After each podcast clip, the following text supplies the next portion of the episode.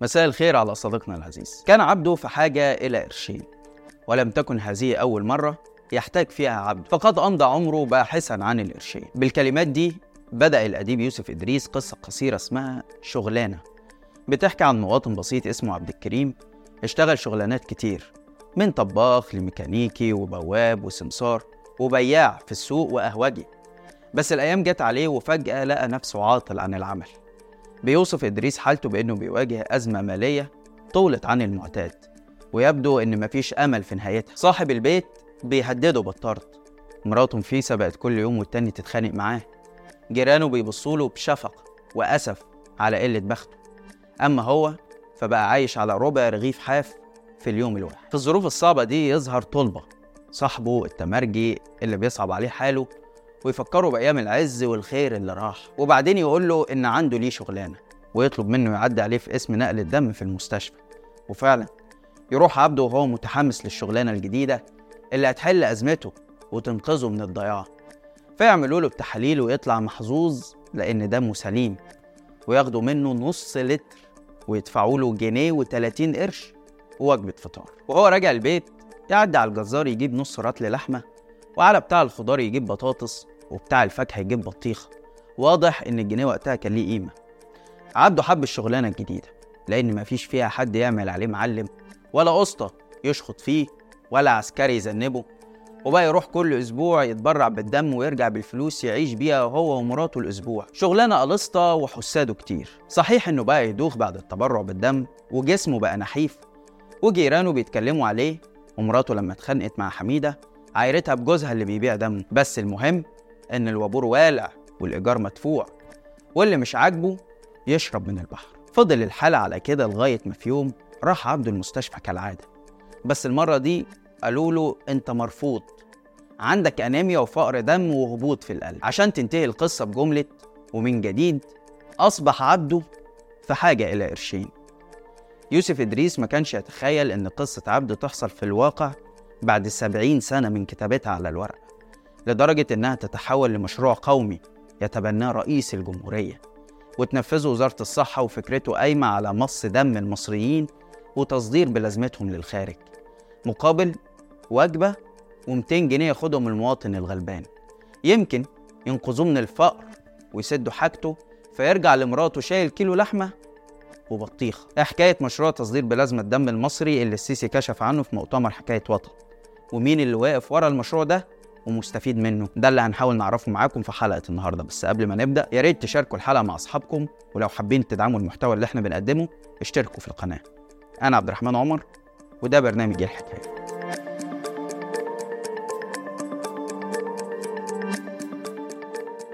بسم الله الرحمن الرحيم. وأنا وزير للدفاع فكرت في المشروع دوت. لغاية لما جت كورونا بتأثيراتها. فعملت تغيير. عملت يا دكتور مصطفى؟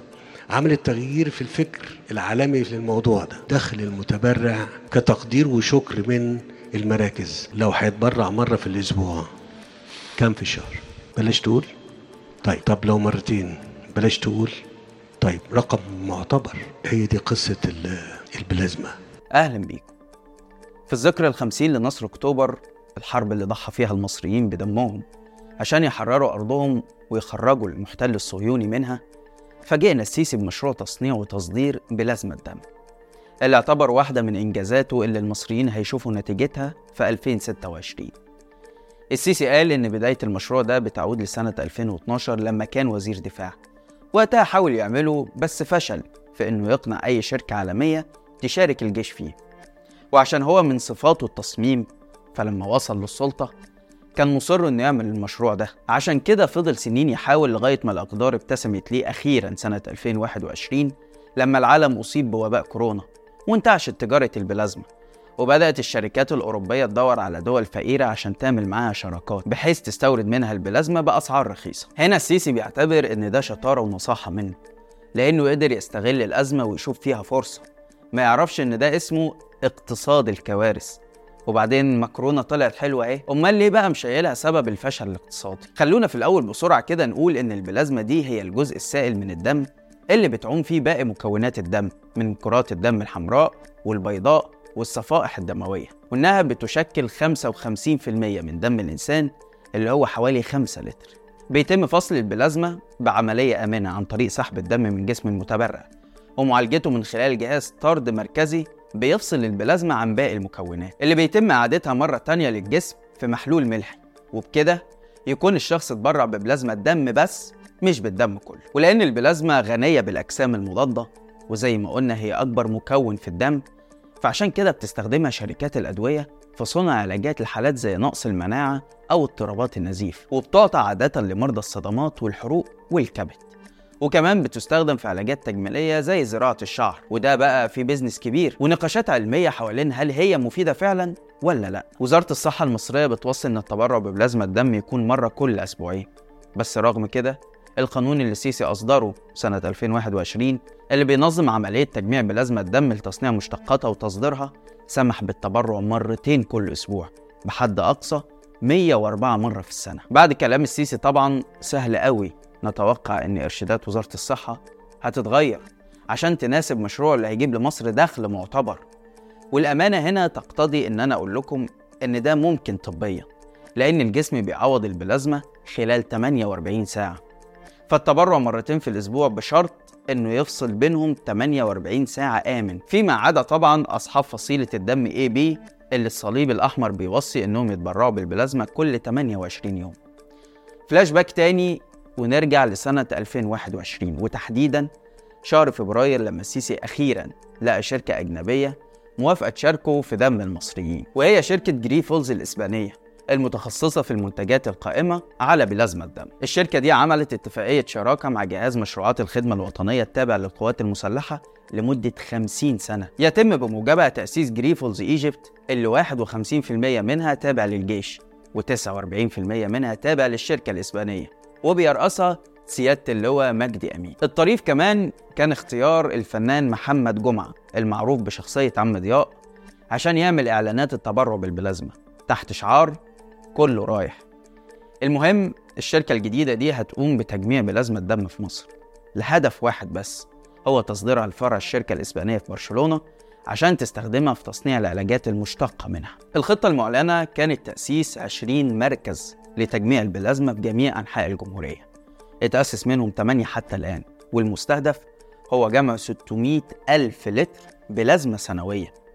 السيسي في خطابه قال للوزير إن 20 مركز دي مرحلة أولى وإن حلمه الشخصي هو 20 و50 و100 مركز عشان يقدر يستهدف ملايين المصريين اللي هيتبرعوا بالبلازما لدرجة إنه عاوز يعمل مراكز داخل الجامعات عشان يستهدف بيها الشباب. ثمان مراكز لغاية دلوقتي؟ تمام يا فندم والمستهدف 20 إن شاء الله. ده 20 في المرحلة ديت.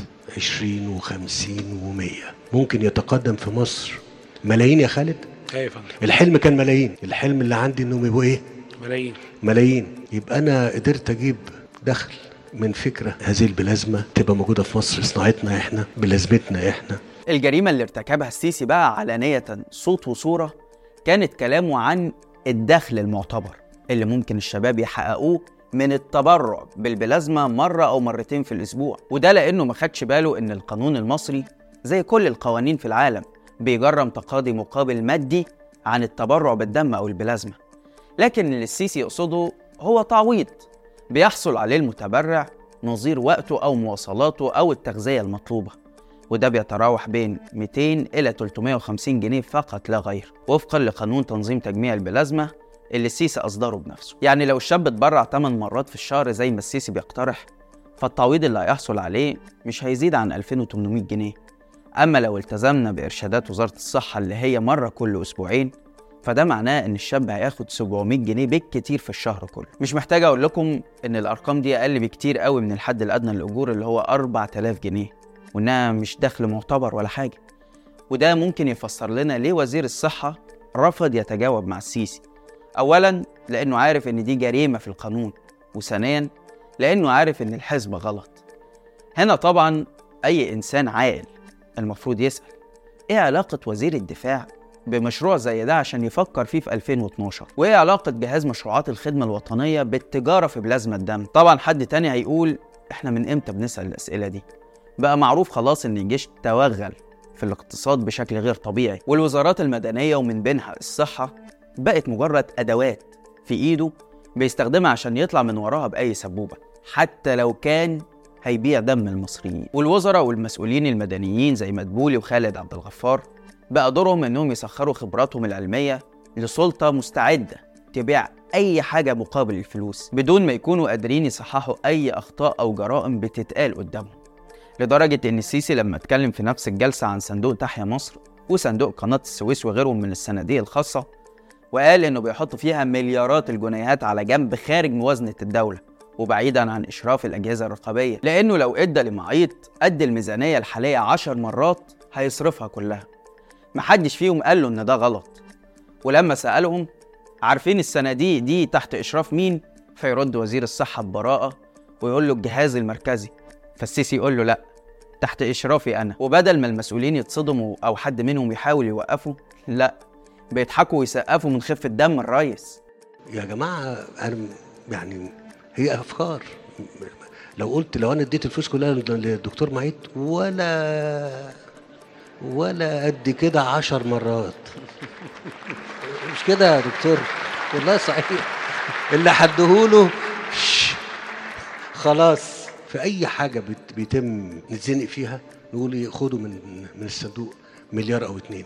بالمناسبة الفلوس اللي موجودة في الصناديق دي تحت إشراف مباشر لمين؟ الجهاز المركزي لا أنا لما تيجي تشوف مشروع تصدير بلازمة دم وكلام السيسي عن مجاعات الصين وطلبوا من الشعب إنه يجوع ويعطش عشان نبني بلدنا وده لأن من وجهة نظره التنمية تتلخص في العاصمة الجديدة والقصور والطيارات وأكبر مسجد وأكبر كنيسة وأتقل نجفة والبرج الأيقوني بجانب طبعا الطرق والكباري. اللي 100 مرة قلت إن محدش ضدها في المطلق بس المتخصصين والناس بتوع الدراسات الجدوى صوتهم اتنبح في الكلام عن ترتيب الأولويات وإن الاهتمام بالتعليم والصحة والصناعة والزراعة هو السبيل الأوحد للتنمية الحقيقية. وعندك واحد زي حسام بدراوي بتاع الحزب الوطني بينصح إنه الإنفاق على التعليم والصحة لازم يكون ببذخ بس طبعا السيسي رأيه يعمل إيه التعليم في وطن ضايع؟ وأنا مش لاقي أعلم ومش لاقي أعالج وأنا عايز إيه قبل إيه؟ أنا في رأيي بعد الفترة الانتقالية كان يجب الإنفاق ببذخ على التعليم والصحة. مفيش بلد هتقوم من غير طفرة في التعليم. وانت عندك فوق الستين في المية أطفال وشباب. يعني عندك إمكانية جبارة. يعني تخيل لو مع كل كوبري تشيده تبني مدرسة ومع كل طريق ترصفه تفتح مصنع. لو كنا عملنا كده ما كناش وصلنا للوضع الحالي اللي الناس فيه تكون مطالبة بالجوع. ويا ريتك انت وولادك ورجالتك بتجوعوا معاهم. الصورة دي بتورينا بوضوح شكل المستقبل. وبتقول لنا من غير مواربة إن القادم هيكون أسوأ. وخلاص الكلام من دلوقتي عن التعويم المنتظر بعد الانتخابات ما بقاش سر. مديرة صندوق النقد بتقول ترقبوا اللي هيحصل في مصر الأسابيع الجاية. وبتحذر حكومة السيسي من استنزاف احتياطاتها النقدية لحماية الجنيه. وبتقول إن مصر مش الدولة اللي عندها بيئة اقتصادية تسمح بكده وبتؤكد إن القاهرة تؤخر ما لا مفر منه. وفي النهاية بتقول كلما تمكنا من التوصل إلى اتفاق بشأن خارطة طريق لتحرير سعر الصرف بشكل أسرع كان ذلك أفضل. في نفس الوقت وكالة موديس بتخفض تصنيف مصر الائتماني بسبب تراجع قدرتها على سداد الديون. اللي ما قدمناش غير الاستمرار في بيع الأصول والشركات المربحة عشان نسددها. طبعا الإخوة السيساوية بيشوفوا الكلام ده باعتباره ضغوط من المؤسسات المالية الدولية على مصر عشان تنفذ شروطها. وممكن تسمع في هوجة الانتخابات كده كلام من نوعية مصر لن تركع والبريكس قادم وشعارات الهدف منها الضحك على الدقون لأن الكل عارف إن اللي راح برجليه لصندوق النقد من البداية هو السيسي وحكومته. وهو برضو اللي رفع شعار الإصلاح الاقتصادي. اللي تمثل في تعويم الجنيه ورفع الدعم والتوسع في القروض لغاية ما بقى علينا ديون متلتلة. محدش عارف هتتسدد إمتى وإزاي. وهو كمان اللي نفذ شروط الصندوق وبدأ سياسة بيع الأصول لغاية ما الكلام حاليا بيدور حوالين التفريط في قناة السويس بعد الانتخابات باعتبارها الفرصة الوحيدة للخروج من الأزمة. ولو متخيل إن ده كلام فيه مبالغة فأحب أفكرك إن السيسي نفسه وقف في أول السنة وقال يا مصريين لو هبيع قناة السويس حاجة أقول لكم. ما قالش مثلا إن ده مش هيحصل. لا هو كل مشكلته ان هخبي عليكم ليه يعني؟ فيقول لك خلي بالكم قناة السويس مش عارف هيعملوا فيها إيه. خلي بالك هيبيعوا حاجة ما نقولش عليها. طب ليه؟ مش هقول ليه. لو في حاجة هعملها هقوله. الفريق أسامة ربيع رئيس هيئة قناة السويس اعترف هو كمان بطرح خمسة من شركات القناة في البورصة. ده غير إن الحكومة أسست شركة جديدة تجمع تحت مظلتها كل شركات القناة وتسمح لأول مرة للقطاع الخاص إنه يشارك في إدارة أنشطة قناة السويس. طبعا ده بخلاف بقى صندوق قناة السويس اللي هو حاجة كده على جنب بيشرف عليه السيسي بدون أي رقابة.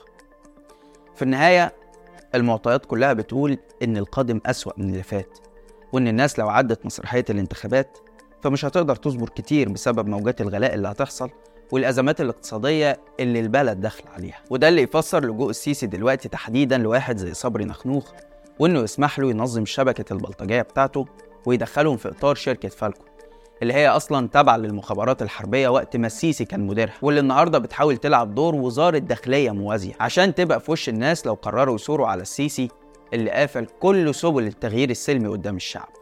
عشان كده صحيفة نيويورك تايمز قالت إن انتخابات الرئاسة اللي هيفوز بيها السيسي ليست نهاية المطاف لكنها بداية النهاية للسيسي نفسه اللي هيترأس بلد ليس لديها المال الكافي لسداد ديونها أو استيراد السلع الأساسية وإن ده بيحدد قبضته على السلطة اللي مفيش شك إنها تراخت في الفترة الأخيرة قدام طوفان الغضب من أصوات المعارضين اللي بقت مرتفعة أو الحالمين بالتغيير السلمي من خلال الانتخابات زي مؤيدي أحمد الطنطاوي.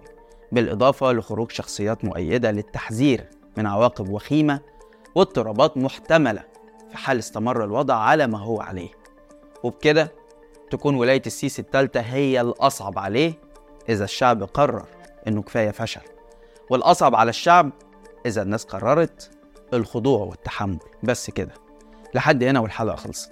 شارك الحلقة لو عجبتك وتابع حساب شباك وحسابي على الإنستجرام هتلاقي اللينك في الوصف. واستنانا كل يوم اتنين وجمعة الساعة 8 بالليل بتوقيت القاهرة في حلقة جديدة من برنامج إيه الحكاية؟